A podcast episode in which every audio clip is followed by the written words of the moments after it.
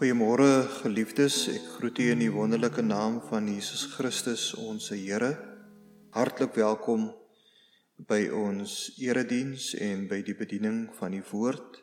Ons is aanlyn saam met mekaar, maar belangriker nog, ons is in die gees saam met mekaar. Kom ons raak stil voor die Here se aangesig. Here, vanmôre dan ken u ons harte U ken ons vreugdes, U ken ons vrae. U ken Here die situasie waarin ons ons vandag bevind.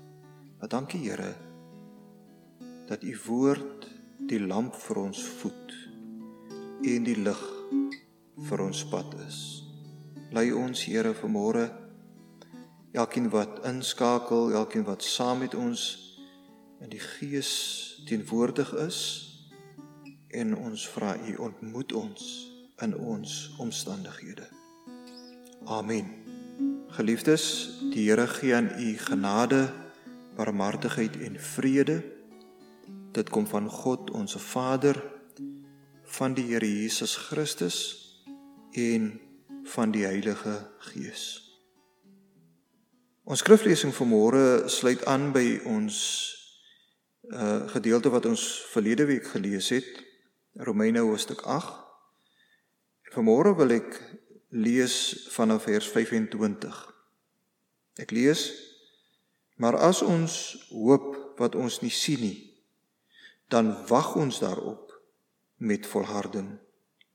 En net so kom ook die Gees ons swakhede te help. Want ons weet nie reg wat om ons moet bid nie, maar die Gees tree self vir ons in met onuitspreeklike sigtinge.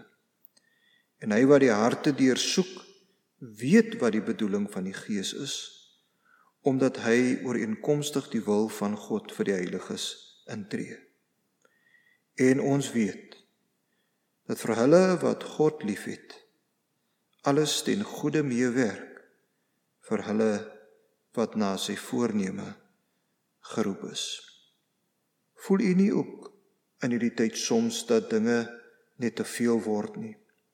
Ek voel soms so. Ja, dit is die COVID-19 realiteit. Maar dan ook die wyse waarop jy self baie keer net sukkel om die mas op te kom. Finaal die vrees en onsekerheid te oorwin. 'n Mens voel soms jy het nie meer woorde nie. Selfs nie in woorde om te bid nie. Dit lyk vir my in die geleesde gedeelte dat die groot apostel Paulus dit self ook beleef het.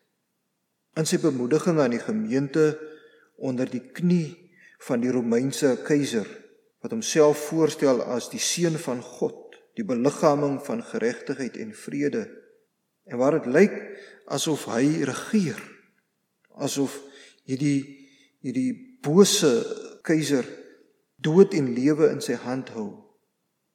Wat dit lyk asof hy ons hele lewe bepaal, sê Paulus. Dit is in daardie situasie waar hy die gemeente wil bemoedig deur homself kwesbaar te maak. Vers 26. Hy sê: "Ja, selfs ook ek as apostel, die Gees kom ook ons swakhede te help, my swakheid te help. Hy erken in daardie teksgedeelte ook ja, ons weet nie reg wat ons moet bid nie. Baie keer is daar nie woorde nie. Baie keer is daar net 'n versigtiging. Maar dan gaan hy verder dit te sê dit is in daardie oomblikke waar die Heilige Gees kom en vir ons intree met on uitspreeklike sigte.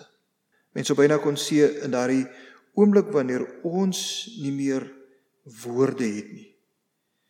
Waar ons nie meer asem het nie.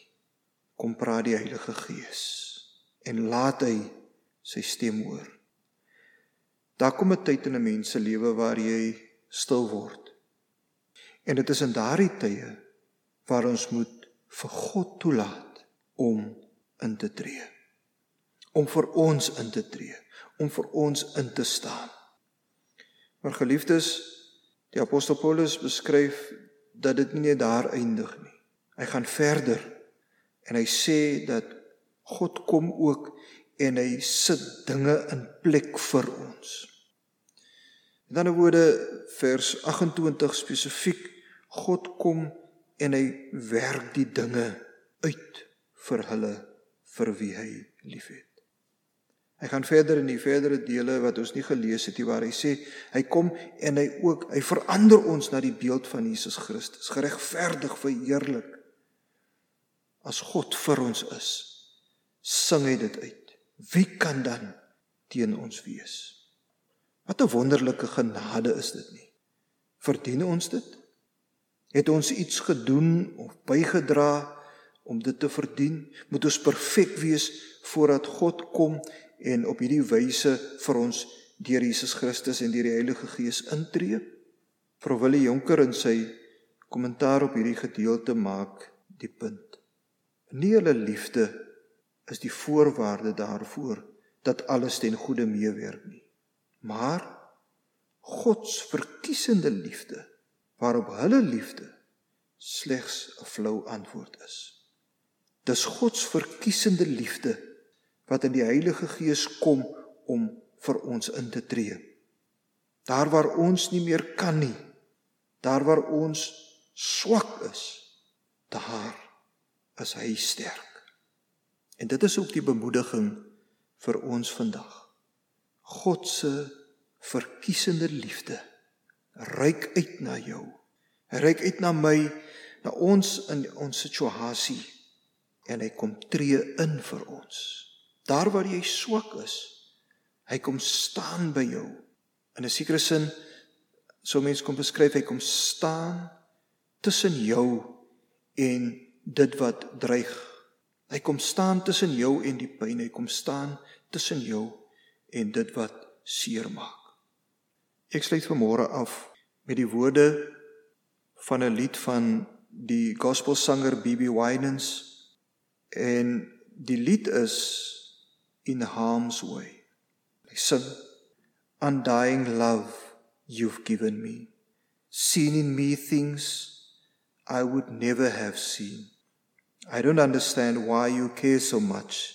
It's all a mystery. Time and time again, I ask myself, what have I done to deserve such wealth?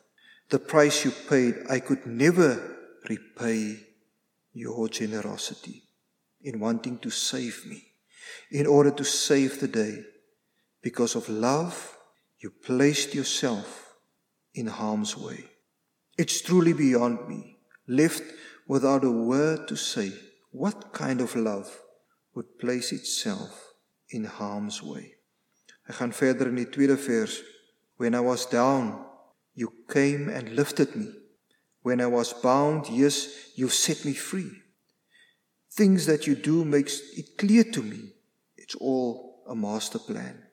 Oh, no greater love that I've come to know. And when I refuse, you still love me so with open arms. You came and rescued me and erase all the pain, yes, all the pain, in wanting to save me, in wanting to save the day.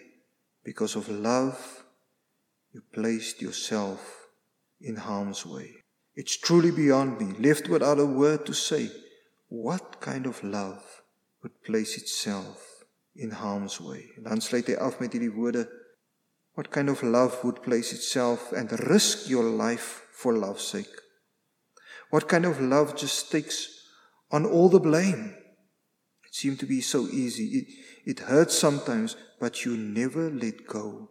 You, your will to love in spite of all you know in wanting to save me. In order to save the day, because of love, you've placed yourself in harm's way. It's truly beyond me, left without a word to say. What kind of love would place itself in harm's way? Kom ons bid saam. Here vanmôre wil ons U dank dat U deur U Heilige Gees kom en kom staan tussen ons en dit wat ons bedreig dit waaroor ons baie keer vrees het En U kom, Here, en U tree in vir ons deur U Gees.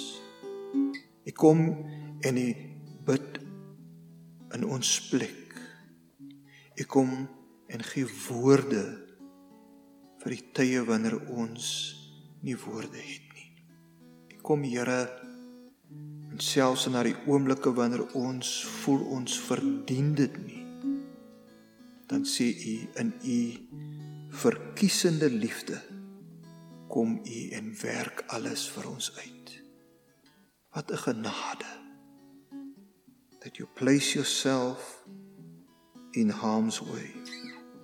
Here Lord it's truly beyond me what kind of love would place itself in harm's way. It's only your love. Amen.